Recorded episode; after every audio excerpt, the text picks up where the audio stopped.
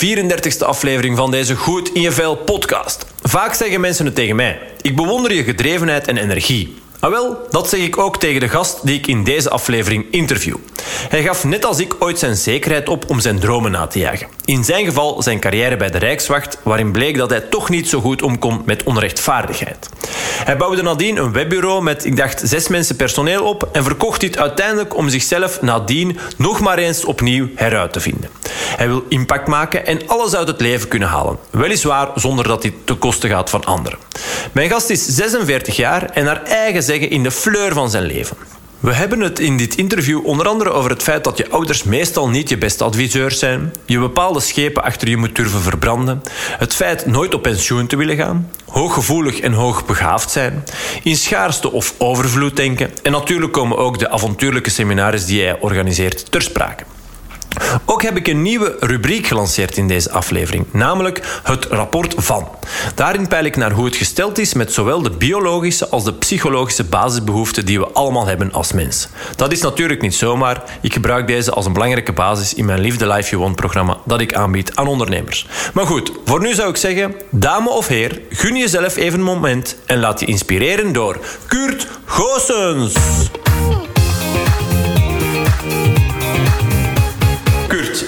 Allereerst bedankt om even tijd voor mij vrij te maken.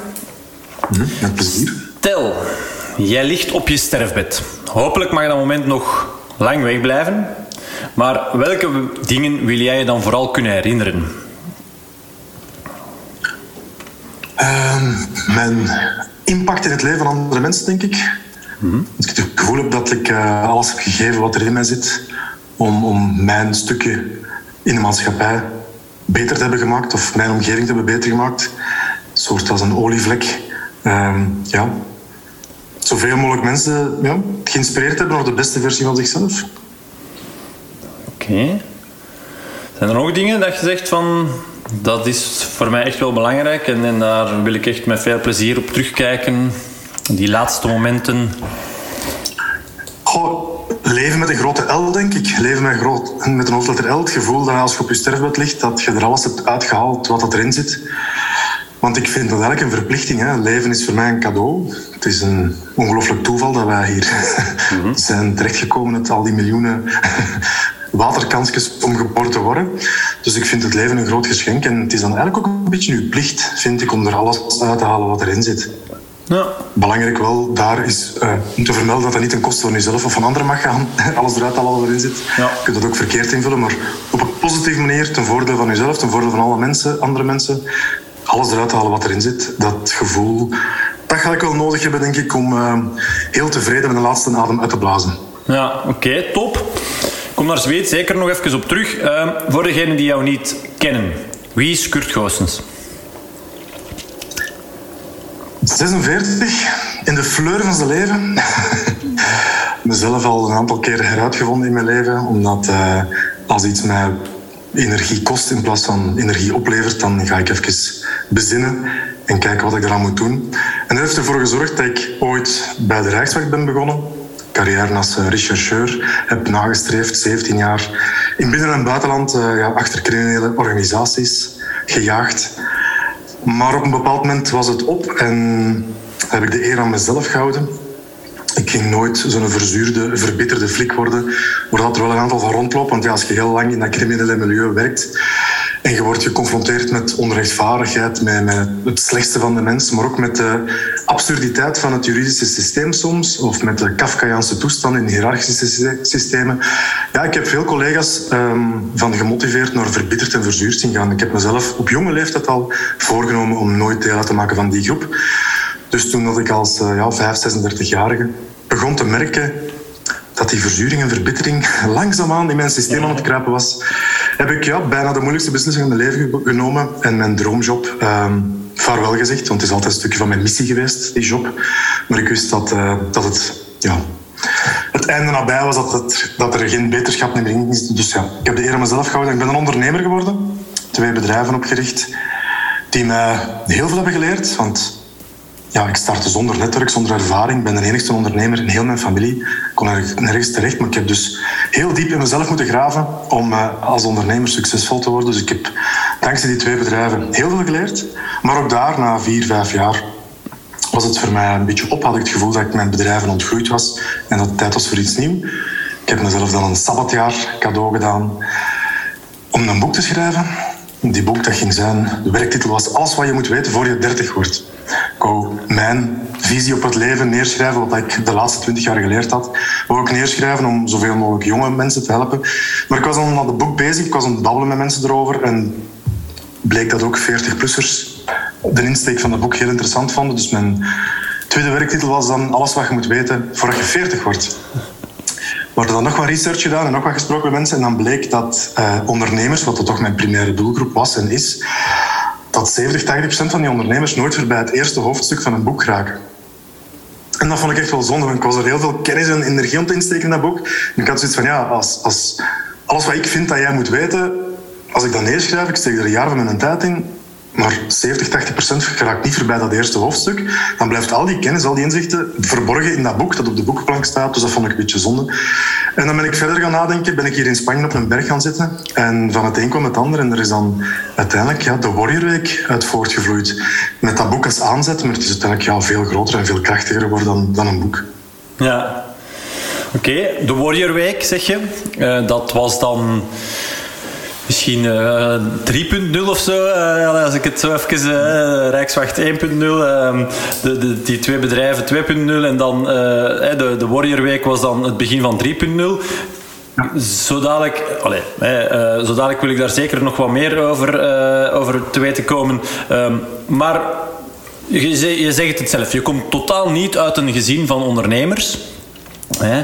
Toch zet je die, die stap wat, wat heeft u dan gedreven op dat moment om toch... En, en, en ja, wat bedrijven ben je dan... Hè, want vele mensen, ik, ik herken dit wel, hè, ze, ze, ze werken ergens en ze twijfelen toch om die stap te zetten. Zou ik dan toch ondernemer worden? En dan, ja, wat ga ik dan ook nog doen? En kan je daar iets over vertellen? Ja, mijn voornaamste drijver om ondernemer te worden was um, nooit nog voor een baas te werken. Ik was dat hiërarchische systeem zo beu. Ik was het zo beu om naar mensen te moeten luisteren die ik minder intelligent vond, die ik minder creatief vond, die ik minder gemotiveerd vond dan mezelf. En dat begon echt met te fritten. Dus ik heb mezelf toen beloofd nooit nog onder iemand gaan te werken. Altijd mijn eigen richting te kunnen bepalen.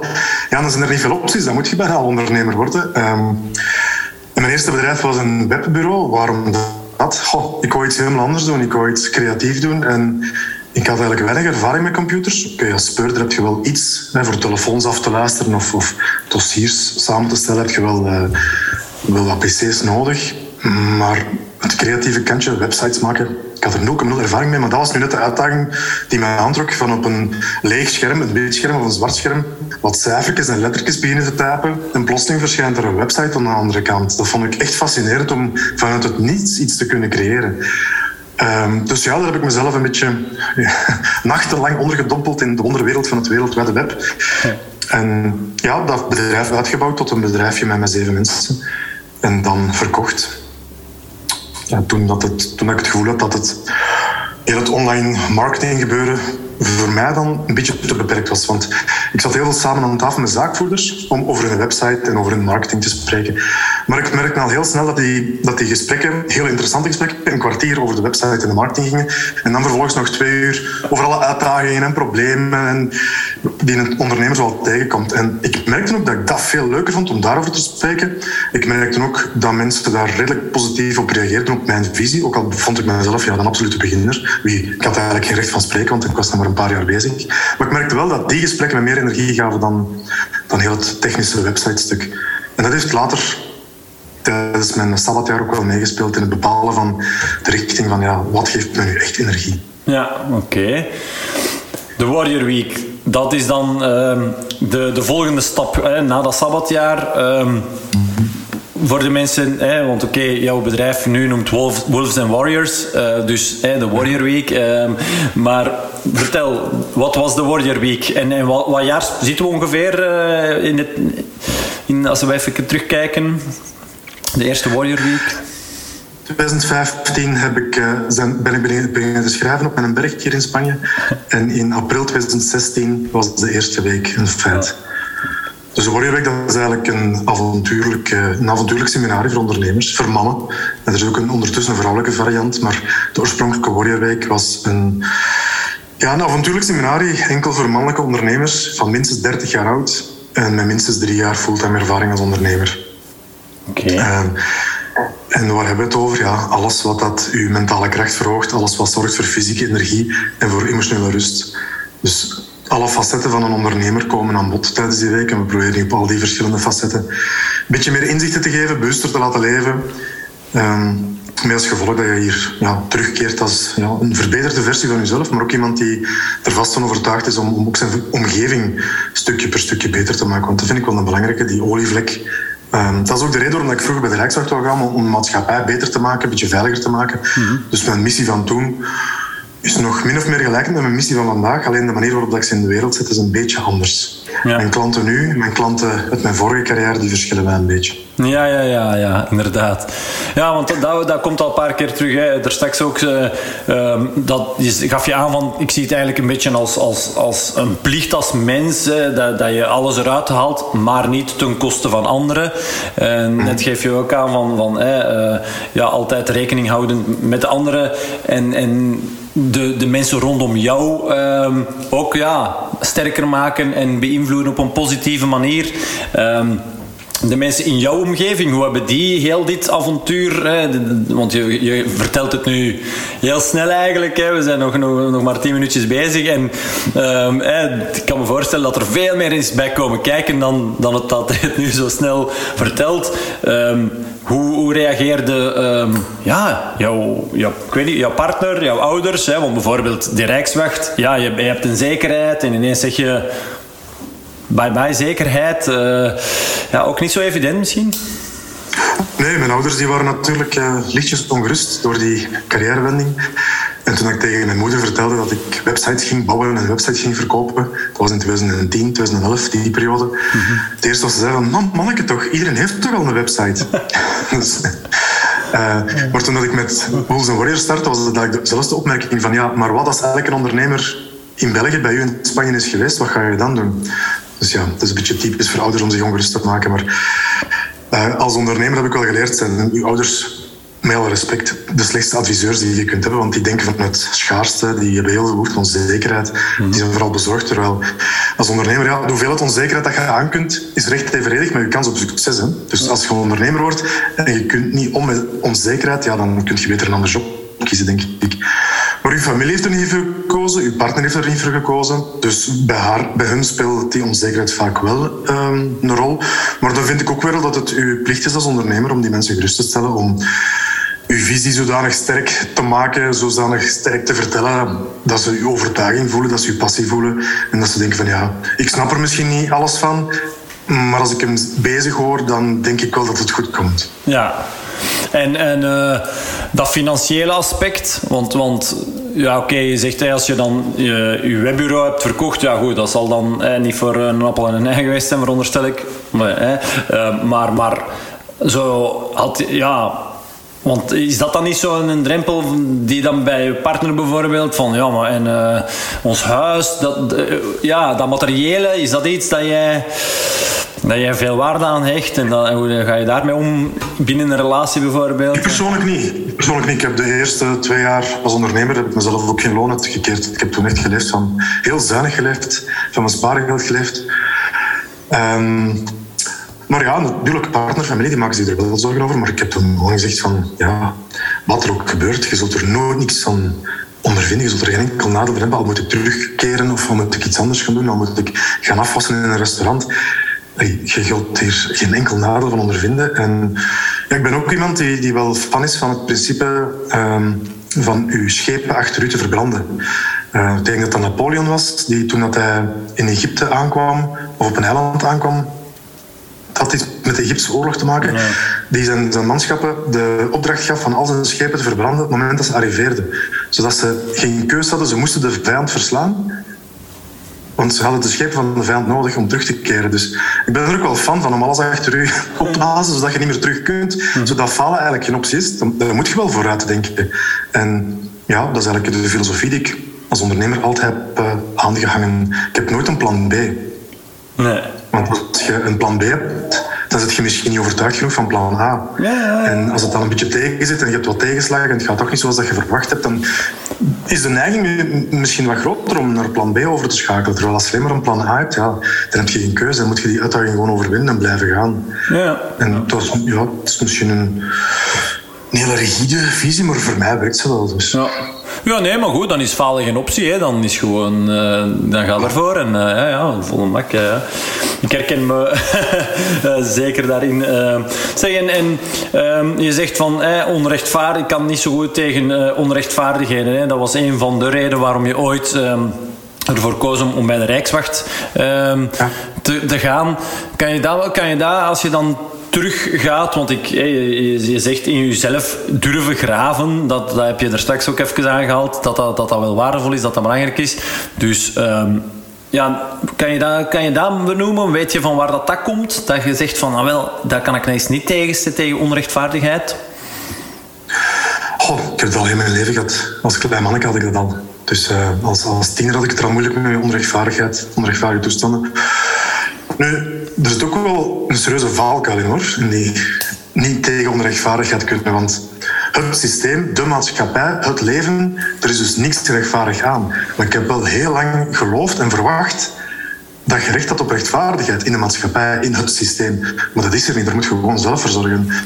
Dat is voor mij wel een kantelmoment geweest. Ik denk dat dat ook een van de redenen is geweest dat ik een beetje in een burn-out ben gesukkeld op van mijn carrière bij omdat ik was zelf heel rechtvaardig, maar ik verwacht dat ook van het systeem van andere mensen.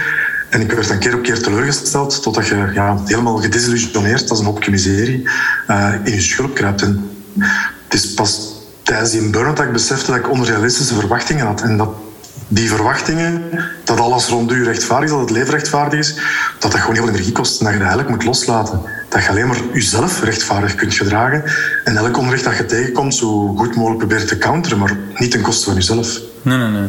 Ja, zeker, zeker waardevol, ja. Zeg, en um, in jezelf durven graven hè, en, en die schepen achter jou verbranden. Zijn er zo nog dingen waar je, eh, waar je zegt, daar heb ik wel in mijn leven moeten mee afrekenen om nu te staan waar ik sta? Kan je daar nog zo nog, uh, ja, nog één of meerdere benoemen? Ja, ik, uh, ik ben uh, dubbel gezegend door het universum of door moeder natuur. ik ben hooggevoelig en ik ben hoogbegaafd. En dat is tot mijn 30, 35 jaar echt een handicap geweest. Ik heb dat effectief altijd als een handicap beschouwd. Zowel het hooggevoelige stuk als het hoogbegaafde stuk. Het hooggevoelige stuk dat zorgde ervoor dat alles super hard binnenkwam. Um, dat mijn filters niet goed werkten, geuren, geluiden, maar ook emoties van andere mensen. Um, en mijn hoogbegaafdheid heeft ervoor gezorgd dat ik mezelf altijd anders heb gevoeld dan anderen, zowel in de middelbare school als dan later bij de Rijkswacht. Maar dat heeft er ook voor gezorgd dat ik mezelf vaak als een dikke nek beschouwde. Omdat ik mij druk maakte in de klas. Ik wist het toen nog niet. Hè. Ik was pas 18 toen ze het PMS, dat heet nu CLB, mij uit de les kwamen halen om even op de curve van Gauss aan te duiden waar ik gescoord had in een school van 2000 leerlingen. En toen viel mijn Frank toen ze zei ziet je, dat is 2000 leerlingen het gemiddelde en jij zit helemaal hier op het eind. Toen snapte ik van, ah, het ligt niet aan mij dat ik mij anders voel dan de rest. Er is hier van boven iets dat anders is dan de rest. En dat hielp toen wel om, om met mededogen naar mezelf te kijken en wat zachter te zijn voor mezelf als ik soms eens wat ongeduldig was, omdat er iemand in de klas het weer al niet snapte, terwijl ik eigenlijk ja, me zat te vervelen. En dat hoogbegaafde, uh, dat hooggevoelige stuk, ja, ik heb dat altijd als een handicap beschouwd, totdat ik het als een kracht heb leren inzetten. En ja, uh, het mijn reis als man, als persoon die ik heb afgelegd, is wel boeiender geworden door, door die uitdaging dat hooggevoeligheid meebrengt. Ik ben effectief wel dieper moeten gaan graven om een manier te vinden om daarmee om te kunnen. Een voorbeeld, als ik de eerste keer een warriorweek deed, na die week was ik gewoon helemaal leeg. Ik stond vol koortsblazen, ik had overal pijn. Uh, ik was gewoon helemaal leeg. Al die emoties van, van zo'n zaal vol mannen die een heel intens proces meemaken, een hele week. Ik absorbeerde dat allemaal. Ik dacht ook dat dat nodig was om die mensen zo goed mogelijk te kunnen helpen om dat allemaal te absorberen. Maar ik heb wel nog wat dieper in mezelf moeten graven om om te leren hoe ik alles kan geven wat ik in, wat ik in me heb, maar niet ten koste van mezelf. Zoals nu deze periode, ik heb vorige week een Warrior Queens week gedaan. Ik heb nu twee op één volgende Warrior week. Dus ik ga in totaal drie van die Warrior weken aan elkaar hebben gedaan. Dat was vier, vijf jaar geleden ondenkbaar. Dan had je mij met een ambulance kunnen wegvoeren, denk ik. Um, terwijl ik nu al weet dat ik die twee weken, ik, ga, ik heb er nu nog twee te gaan, ik ga heel moe zijn, maar op een hele positieve manier moe zijn. Niet ten koste van mezelf. Nee, nee. En, en hoe, hoe hè, want je zegt ook hè, mededogender zijn, zachter uh, leren zijn voor mezelf. En, en wat je nu aangeeft, een paar jaar geleden was het niet mogelijk. Wat, wat, is er dan, wat doe je dan anders? Uh, kan je dan benoemen? Want er zijn misschien luisteraars die ook hooggevoelig zijn, die zeggen: Oh, uh, ja, die dat, daar het geheim erachter nog niet hebben ontdekt, dat, je, dat je die daar misschien heel hard mee kunt helpen. Ja, het gaat over grenzen. Hè. uw eigen grenzen kennen. Dat is stap 1. Ze aanduiden naar andere mensen toe en die grens ver genoeg van jezelf leggen, dat is niet te dicht bij u ligt, want ja, dan gaan mensen er nog heel, heel snel overheen. Dus grenzen leren kennen, grenzen aanduiden naar andere mensen toe en ook grenzen laten respecteren. Door jezelf, hè, uw eigen grenzen respecteren, maar ook uw grenzen bewaken naar andere mensen toe. En wat vaker nee zeggen. In mijn beginjaren als ondernemer zei ik 90% van de tijd ja en 10% van de tijd nee. Nu is dat exact omgekeerd. Ik zeg 90% van de tijd nee tegen aanvragen, verzoeken. En nog maar 10% van de tijd ja, zonder schuldgevoel. En dat is wel een belangrijke, dat je durft te kiezen voor jezelf. Want elke ja tegen iemand anders is mogelijk een nee tegen jezelf. Mm ja. Dus die grenzen aanduiden, dat is voor iedereen relevant, denk ik, maar zeker voor hooggevoelige mensen, dat is heel, heel belangrijk. Want in mijn ervaring voelen hooggevoelige mensen niet zo heel goed aan waar dat het stuk van de ander eindigt en waar dat hun eigen stuk begint, of omgekeerd. Mhm. Dus dat vloeit allemaal een beetje door elkaar en dat zorgt ervoor dat je, voordat je het weet, wordt meegenomen in de emoties van andere mensen, of in het plannetje van andere mensen, of in de behoeftes van andere mensen. Ehm, en dat kan gevaarlijk zijn, dat gaat vaak ten koste van jezelf. Hè. Dus het is heel belangrijk dat je heel goed weet van, dit is mijn stuk, hier ben ik verantwoordelijk voor. En dat is jouw stuk en daar ben jij verantwoordelijk voor. En ook al vind ik dat erg voor u, het is niet mijn verantwoordelijkheid, dus voilà. Ja, klaar. Ja, ja, ja, dat is zoals ik vaak zeg tegen mensen van... Jij bent enkel, jij bent verantwoordelijk voor jouw eigen geluk. En, en oké, naar kinderen toe is dat nog iets anders, maar, maar als volwassen, als het over volwassen uh, relaties gaat, dan ja, dan ja, worden, hè, we verwachten toch nog soms dat, dat je partner of zo je, geluk mee bepaalt. En oké, dat kan uh, in een relatie, als je in een relatie zit, dan geloof ik erin, of een goede relatie, dat je elkaar versterkt. Maar uiteindelijk mhm. ben jij wel verantwoordelijk voor je eigen geluk. En dat is soms heel hard om, om dragen voor velen en dat te beseffen. Um, maar ja, ja, dus dat is een beetje... Ja. ja. de sterkste relaties zijn de relaties waar dat je tegen elkaar kunt zeggen, zonder dat een van de twee daar raar vindt, van ik heb u niet nodig om gelukkig te zijn. Mm ja. Want dan, dan is samen zijn elke dag opnieuw een bewuste keuze en geen behoeftige keuze. Ik zou niet liever hebben dat mijn partner tegen mij zegt van ik heb u niet nodig om gelukkig te zijn, ik ben zonder jou ook gelukkig. Want dat betekent dat de dagen dat hij bij mij is, dat hij effectief kiest om bij mij te zijn. Ja, En niet omdat ze anders niet gelukkig is. Nee, omdat het gewoon leuker is met wij. Dus dan wordt het geen behoeftige keuze, maar een hele bewuste, volwassen keuze. Dat creëert volgens mij heel veel energie en heel veel zelfvertrouwen in zo'n relatie, waar er geen wederzijdse afhankelijkheid is. Ja, zeker. En, en zoals ik vaak, ja, wat ik ook heb, op een gegeven moment is, is beseft heb dat als je bij je partner bent omdat het de enige keuze is, of je bent bij je mm. partner omdat het effectief een bewuste keuze is omdat, ook al zijn er meerdere keuzes, dus als er meerdere opties zijn, maar je kiest bewust wel voor je partner, is veel sterker dan dat je ervoor kiest omdat het de enige optie is. Ja, ook dat is zoiets. Uh, ja, ja, dat is. Uh, maar die behoefte en die bewuste keuze, dat is, uh, dat is wel inderdaad een mooie. Zeg, uh, uzelf, je zegt er straks van, ehm, ik heb mezelf al een paar keer heruitgevonden. Zijn er, eh, zijn er nog dingen waar jij uh, van droomt? Zie je jezelf uh, Wolves and Warriors en, en de, de Warrior Week of Queens Week uh, heel je leven? Of, of, want er straks, voor het, voor het, dat we op record hebben gedrukt, zei je van als ik het echt zou beu zijn, dan zou ik het niet meer doen. Dus, dus um, zijn er, waar, waar droom jij nog van? Zijn er nog dingen die je zegt, ah wel, dat staat nog op mijn lijstje? Qua ondernemerschap of gewoon privé? Uh, dat kan van alles. Dat mag beide zijn. Uh, ja, het zal samen, een stukje samenlopen misschien. Uh. ja, als ondernemer heb ik niet per se altijd lange termijn doelen, omdat ik elke stap die ik neem ook moet voelen. Um, dus ik kan nu niet zeggen wat ik binnen twee jaar leuk ga vinden, maar ik zie mezelf die warriorweken nog wel, nog wel heel lang doen. Ik zie mezelf ook wel in een latere fase, als, als 70, 80-jarige grijsaard, hier nog altijd jonge honden ontvangen op mijn berg.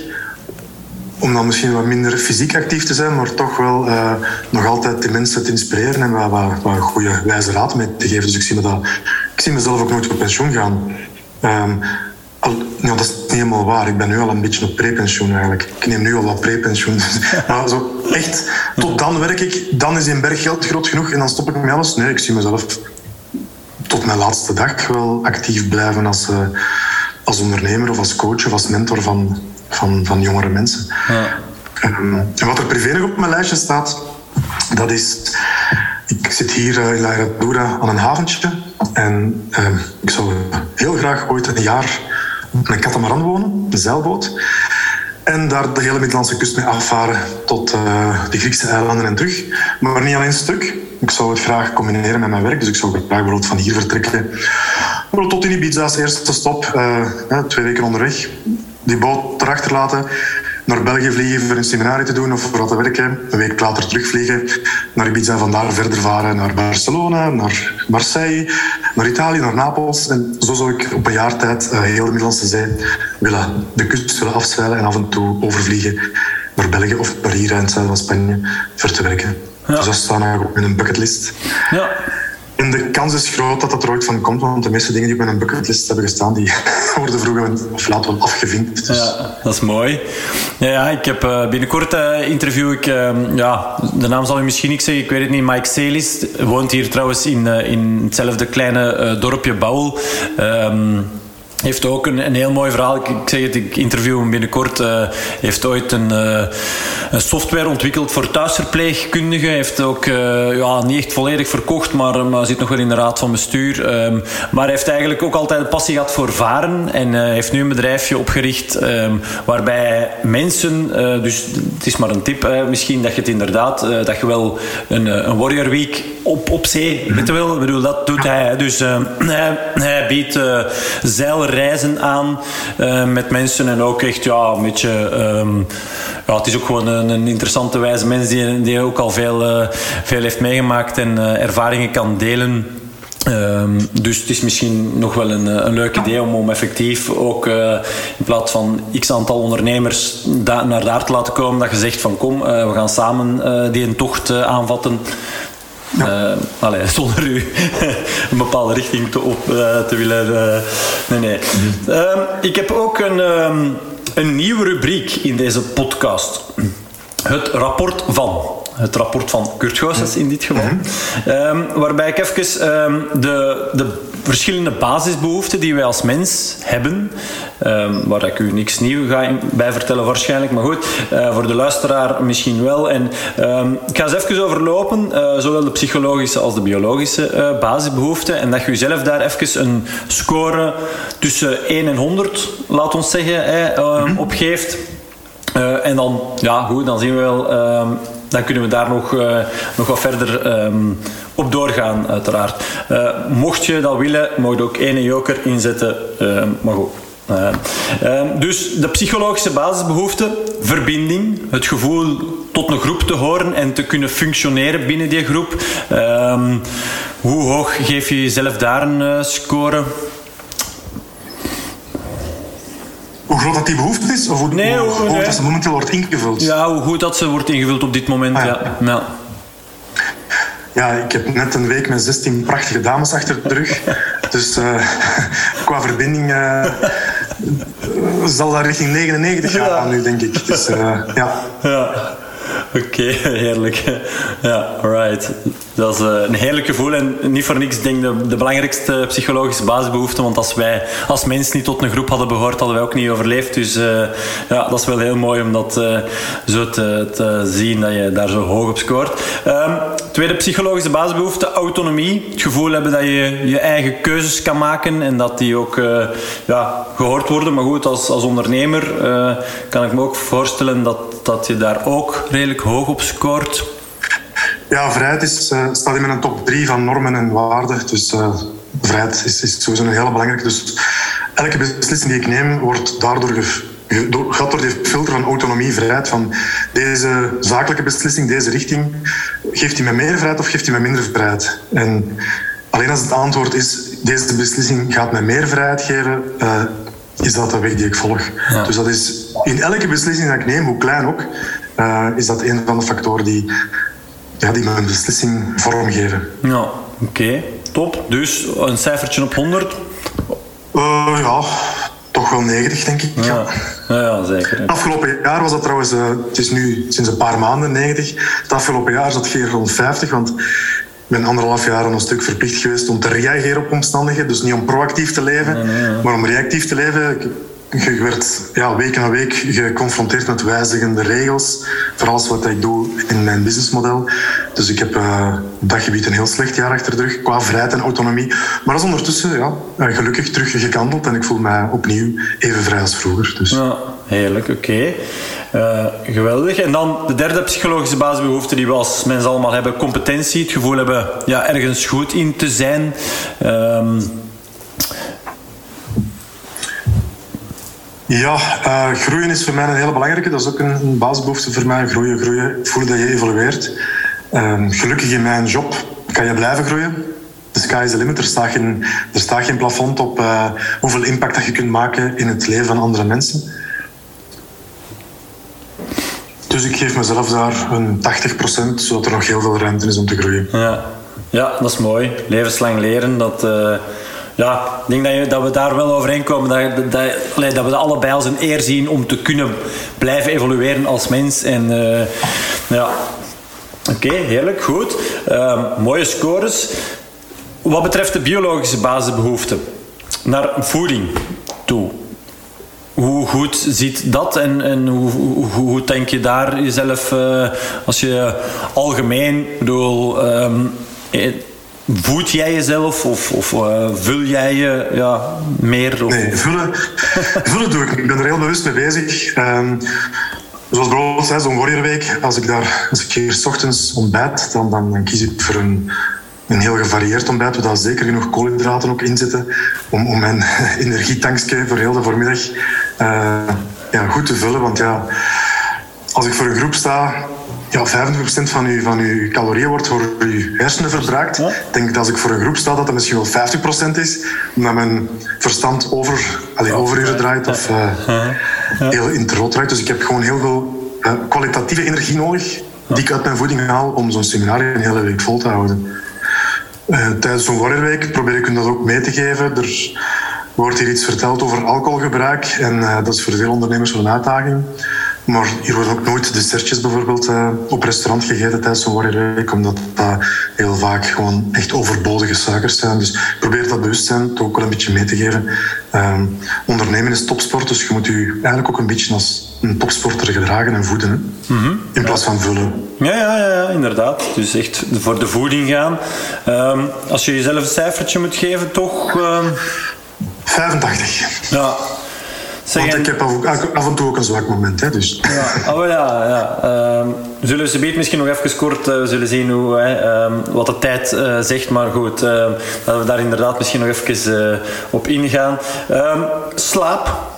Ook een be belangrijke biologische basisbehoefte. Hoe, zelf, hoe geef je jezelf daar een score? Mm, momenteel 70, denk ik. 70 op 100.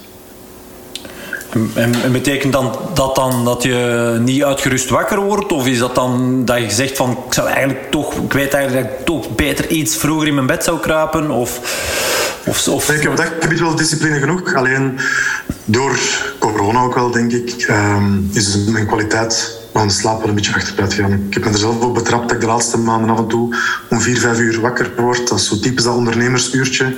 En dat is voor mij een indicatie dat je cortisolniveau mogelijk wat te hoog is, waardoor je om vier, vijf uur wakker wordt. Uh, maar dat heeft te maken met, denk ik, te lang reactief te moeten leven, te lang moeten reageren op steeds wijzende omstandigheden, zonder dat je er zelf een eigen koers in kunt bepalen. De aanloop naar de Warrior Weken nu, dat is de eerste keer in twee jaar dat we terug die weken in Spanje mogen doen. En dan voelt je wel dat er zo'n beetje onrust in je systeem is geslopen. De eerste week is nu achter rug, is heel goed verlopen.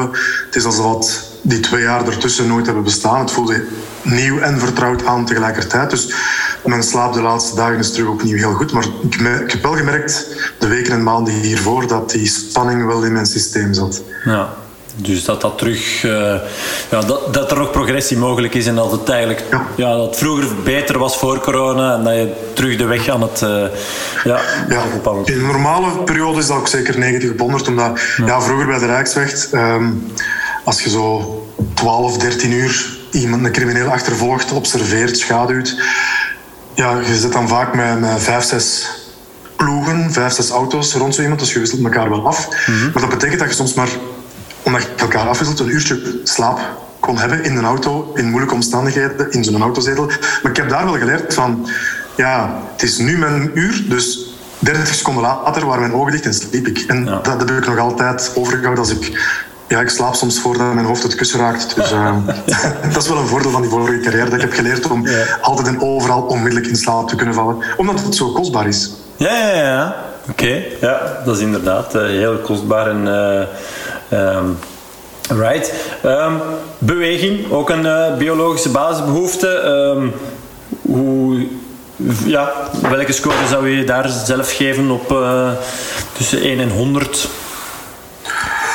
80. Mm -hmm. Ja.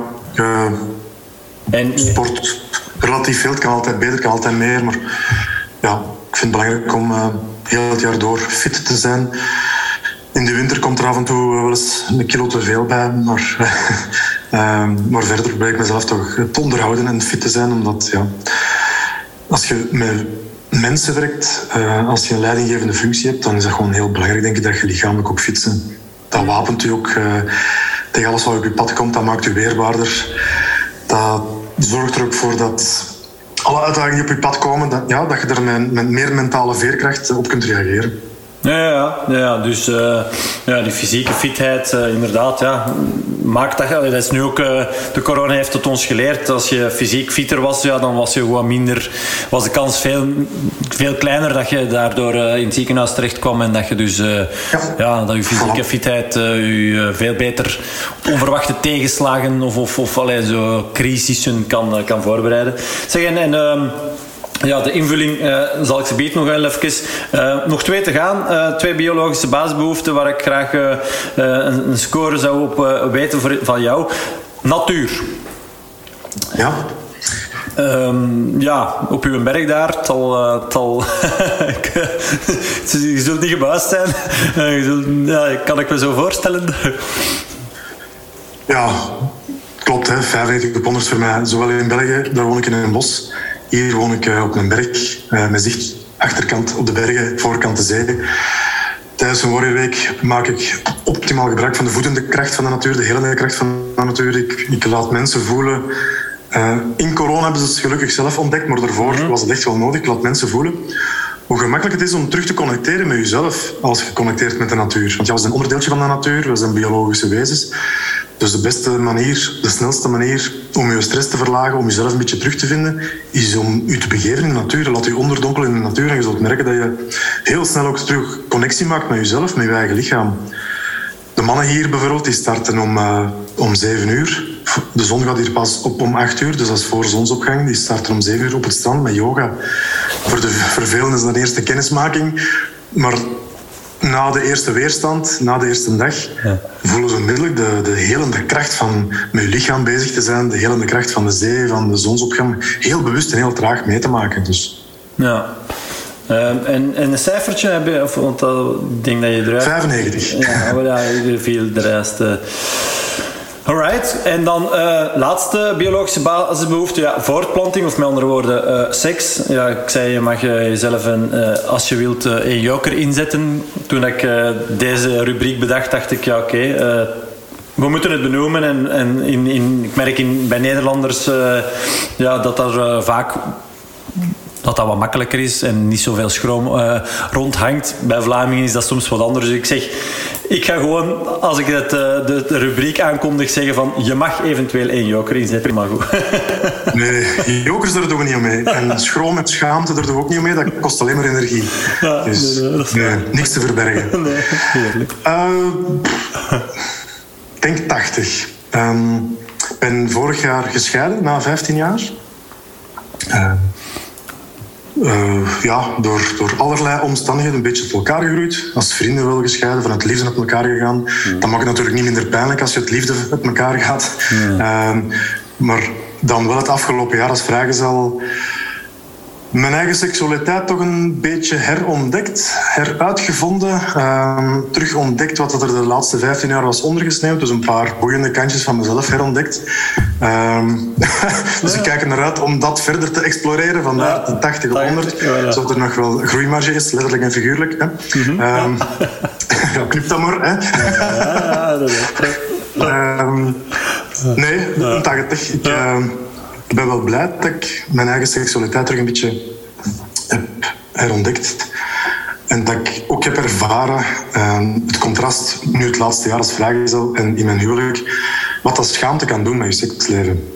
Uh, en hoe een destructieve, negatieve emotie dat dat eigenlijk is. En het is zoals dat je zelf benoemt, misschien ook iets typisch Vlaams. Onze katholieke achtergrond uh, speelt er misschien mee, maar ja, ik vind het enorm bevrijdend ehm, om mensen tegen te komen die zonder schroom en schaamte zich over geen enkele lichamelijke functie schamen. Uh, of het nu gaat over uh, of geurtjes, of, dat er daar geen enkele schroom op... Dat is zo bevrijdend. Dat, is, oh, ja, dat geeft zoveel energie in een relatie. Dat, dat, maakt, uh, dat geeft seks een zodanig andere dimensie. Als je al die, die schroom en schaamte zou kunnen loslaten, dat is, ja, dat is onvoorstelbaar wat dat, dat, ja, wat dat, dat doet met de beleving van seks. Ja, oké. Heerlijk. Dus uh, 80 op 100, ja. Oké. Bedankt voor jouw um, oprechte eerlijkheid. Um, dat is een mooi rapport, zou ik zeggen. Um, ja, rond voeding, zegt er straks van... Hier op de Warrior Weeks geen desserts. Is dat dan... Maar je zegt ook van... Ik heb ook wel eens een zwak moment. eet jij nooit desserts? of is dat dan gewoon van om daar echt het het goede voorbeeld en even strak af te bakenen van, en, en, en, en, ook mensen waarschijnlijk eens te laten voelen om even uh, geen uh, ja, toegevoegde suikers, want je gaf wel aan veel koolhydraten, want goed, dat is wel belangrijk. Um, hoe zie je dat? Um, eet jij nooit eens een snoepje, een koek uh, of een chocomoesje of een rijstpapje of weet ik veel? Of is dat, of, is dat ja, ja, een romantisch, romantisch etentje op een restaurant wordt waarschijnlijk wel afgesloten met een dessertje. Maar zelfs dan zal ik toch wel kiezen voor iets waarvan ik denk dat er het minste suiker in zit. Um, en hier is dat vooral inderdaad om het goede voorbeeld te geven, ook om het te laten voelen van het is niet per se nodig. Als het een gewoonte is in je leven om altijd af te sluiten met dessert of altijd af te sluiten met een digestief of altijd minstens een halve fles rode wijn leeg te maken, dat is niet per se nodig om je goed te voelen. Het kan ook anders. Ja. Um, dus het is vooral voor het goede voorbeeld te nemen. Maar ik zondag af en toe, chocolade bijvoorbeeld, dat is een guilty pleasure. Um, en, en, en, bier en wijn en whisky en rum. Uh, dat zijn ook allemaal dingen die, eh, die ik met heel veel plezier degusteer. Maar ik probeer dat altijd wel met mate te doen en zeker niet dagelijks. Uh, in de week drink ik in principe niet, dus uh, ja. Nee, Oké. Zeg je nou, dat, dat zwak momentje dat je aanhaalt, is dat dan toch effectief het, het, emo eten, dat moment dat je... Ja, comfortfood. Ja. ja. Dat is een werkpuntje voor mij altijd al geweest. Maar ook daar kijk ik met mededogen naar. Keer als je het voor jezelf durft te benoemen van ja, als er iets misgaat overdag en je bent niet bewust bezig, is de kans groot dat je s'avonds een beetje gaat troosten met comfortfood. En dat is dan vaak wat zoeter of wat vettiger uh, dan anders. Maar als je dat op voorhand al weet, dan, ja, dan kun je dat ook onder controle houden. Uh, als je het jezelf gaat verbieden, is de kans nog groter dat je het als tegenreactie de dag daarna twee keer zoveel doet. Dus, uh, dus ik sta mezelf af en toe een, uh, een slippertje ja, toe. Ja, Oké, geweldig. Um, naar beweging toe, geef je jezelf uh, 80 op 100. Um, ehm, wat, wat doe je concreet van, um, van beweging? Ja. Dat is vooral mountain, uh, mountainbiken, waar de bergen natuurlijk hier ideaal voor zijn, mountainbiken. Um, padel hm. is verplicht natuurlijk als je in Spanje woont.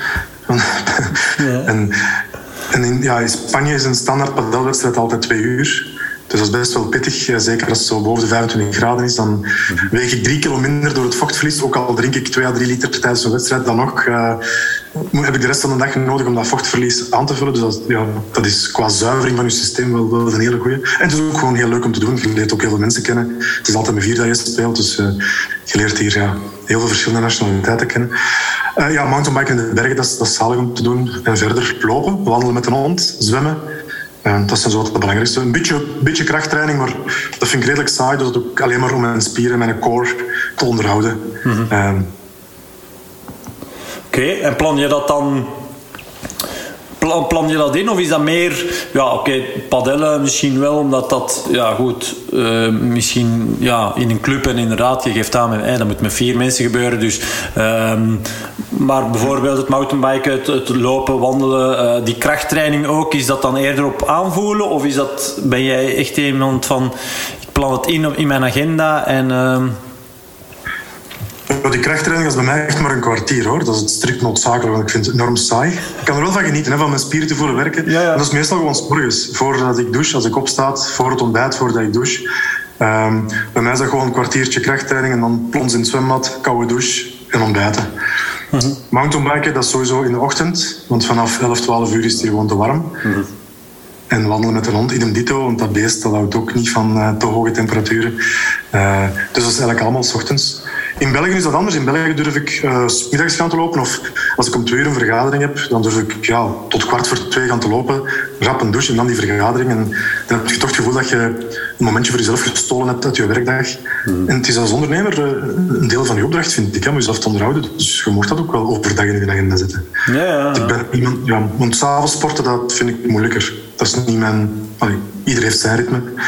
Mijn ritme voor te sporten is eerder s'morgens. Um, ja. ja.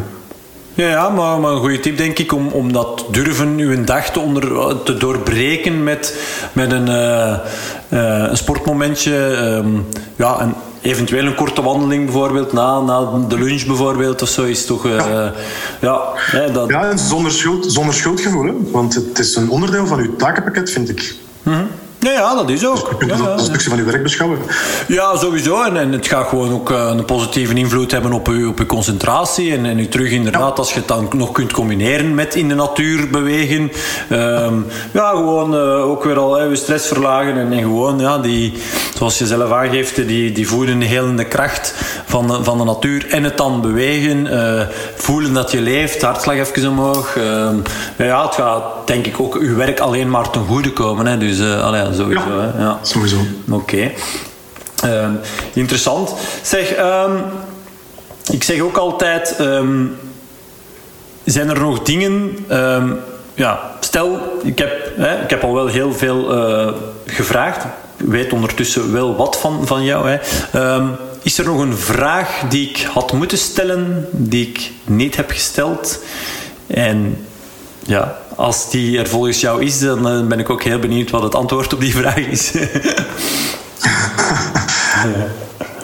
oh. Goeie vraag. ja, ja.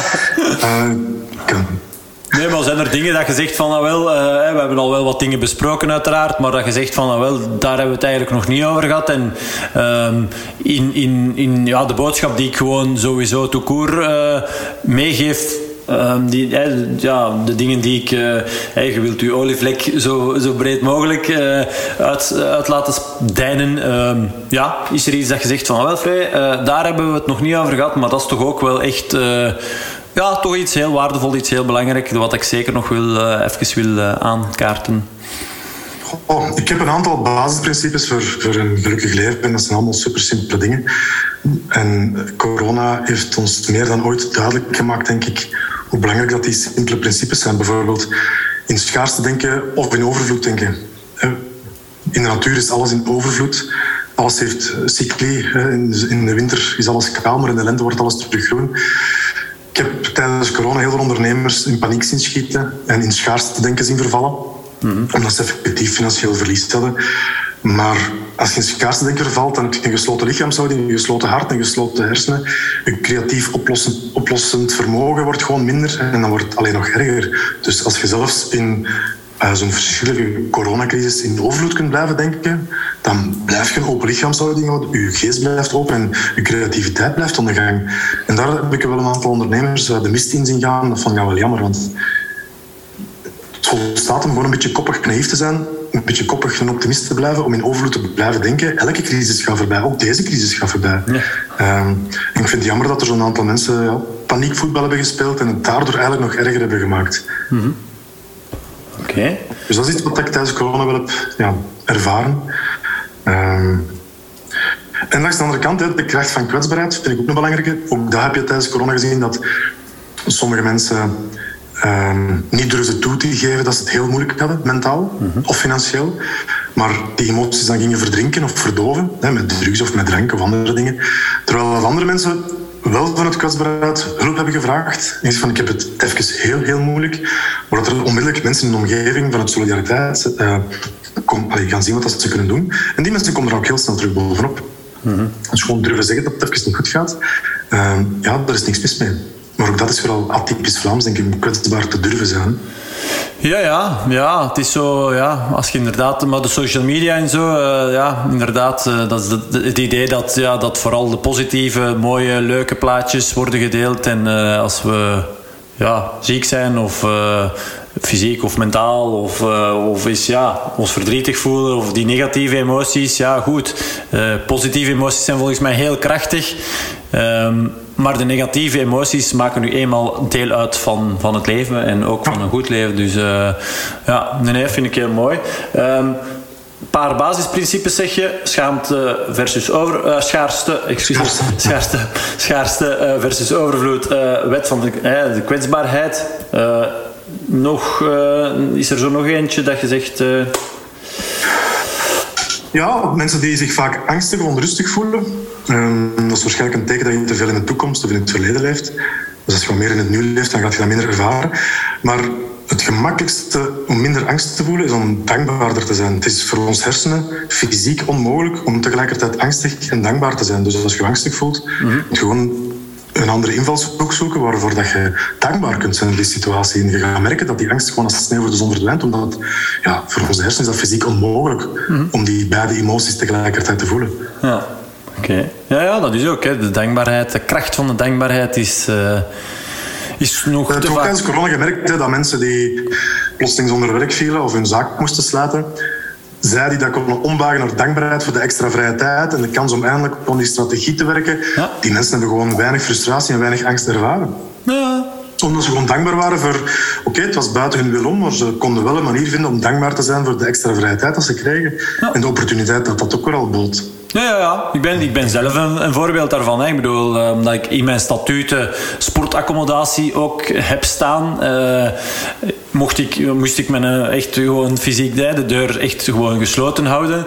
Uh, maar dat heeft, ja, dat heeft mij heel veel goed gedaan. Want, want ons tweede kind is, is in november 2020, dus volop in de, in de coronacrisis, tussen aanhalingstekens, geboren. we hebben heel veel tijd met, met elkaar kunnen doorbrengen. Ik heb ook gewoon mijn business kunnen herdenken. En gewoon van oké, okay, ja ja, er was duidelijk een mismatch tussen wat ik ondertussen al wist en, en kan en, en, kan meegeven aan mensen en wat ik eigenlijk nog, nog altijd voor een groot stuk zo in die, in die fysieke trainingen zat. En dat, dus inderdaad, wat dat je zegt, het, het, het het is gewoon eigenlijk hoe dat je er naar kijkt. Hè. Ik had ook kunnen, oh, oh, kunnen zielig en, oh, ik garmen in de slachtofferrol. Of gewoon het, het mooie ervan zien. En, en extra tijd en extra ruimte om, om te reflecteren en na te denken en te voelen en, te, en liefde te ervaren en zo. Dus, dus ja, dat is... Ja. Mooi. Mooi misschien ook om, om mee af te sluiten.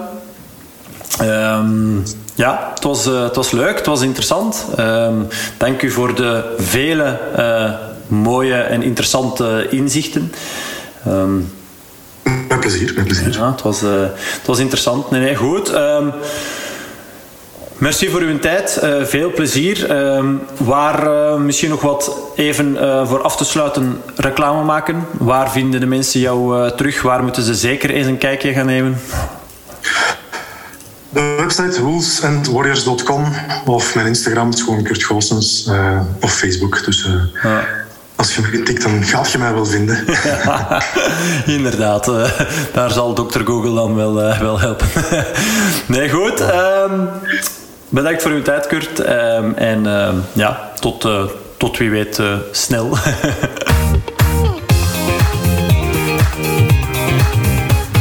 Ziezo, dat was hij weer al. Soms moet je dat gewoon kunnen zeggen, hè? dat je een voorbeeld neemt aan iemand. Ah wel, dat doe ik met Kurt. Niet alleen omdat een van de doelen die ik nog heb is om ook ooit nog coachingsreizen te gaan organiseren. Nee, gewoon door de enthousiaste persoon die Kurt is en de boodschap die hij uitdraagt. Hopelijk heb ook jij uit deze aflevering weer heel wat waardevolle inzichten kunnen halen. Indien dat zo is, laat het dan zeker maar even weten. Hè. Stuur me dan maar even een persoonlijk bericht via mijn Instagram profiel fitondernemen of mail me even naar freatwordfit.be. Mag ook altijd natuurlijk. Het is leuk om de reactie van jou, de luisteraar van deze podcast, te horen te krijgen. In de volgende aflevering interview ik Fabienne Renders van talentmakers.eu.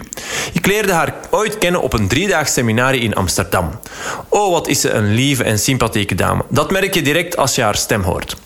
Maar vergis je niet, ze is ook een ervaren rot in het aanleren van interpersoonlijke management- en leiderschapsvaardigheden. Afgelopen 25 jaar was ze als zelfstandig adviseur aan de slag bij grote bedrijven zoals ING, Deloitte, Telenet, Acerta en noem maar op, om daar teamleaders te laten inzien dat het anders kan. Dat je als leider van een team zoveel impact hebt en er voor een groot stuk mee voor zorgt dat je teamleden ongemotiveerd, passief en niet betrokken zijn. Ook dit belooft dus weer al een heel interessant interview te worden. Wil jij trouwens een melding krijgen als ik deze volgende aflevering online zet? Abonneer je dan even op dit podcastkanaal, zou ik zeggen. Voor nu, bedankt om te luisteren. Schrijf elke dag weer een mooi hoofdstuk van je leven. Vergeet daarbij vooral niet om tijd te maken en te genieten voor en van die dingen die je op je sterfbed gaat herinneren. En uh, tot de volgende. Bye!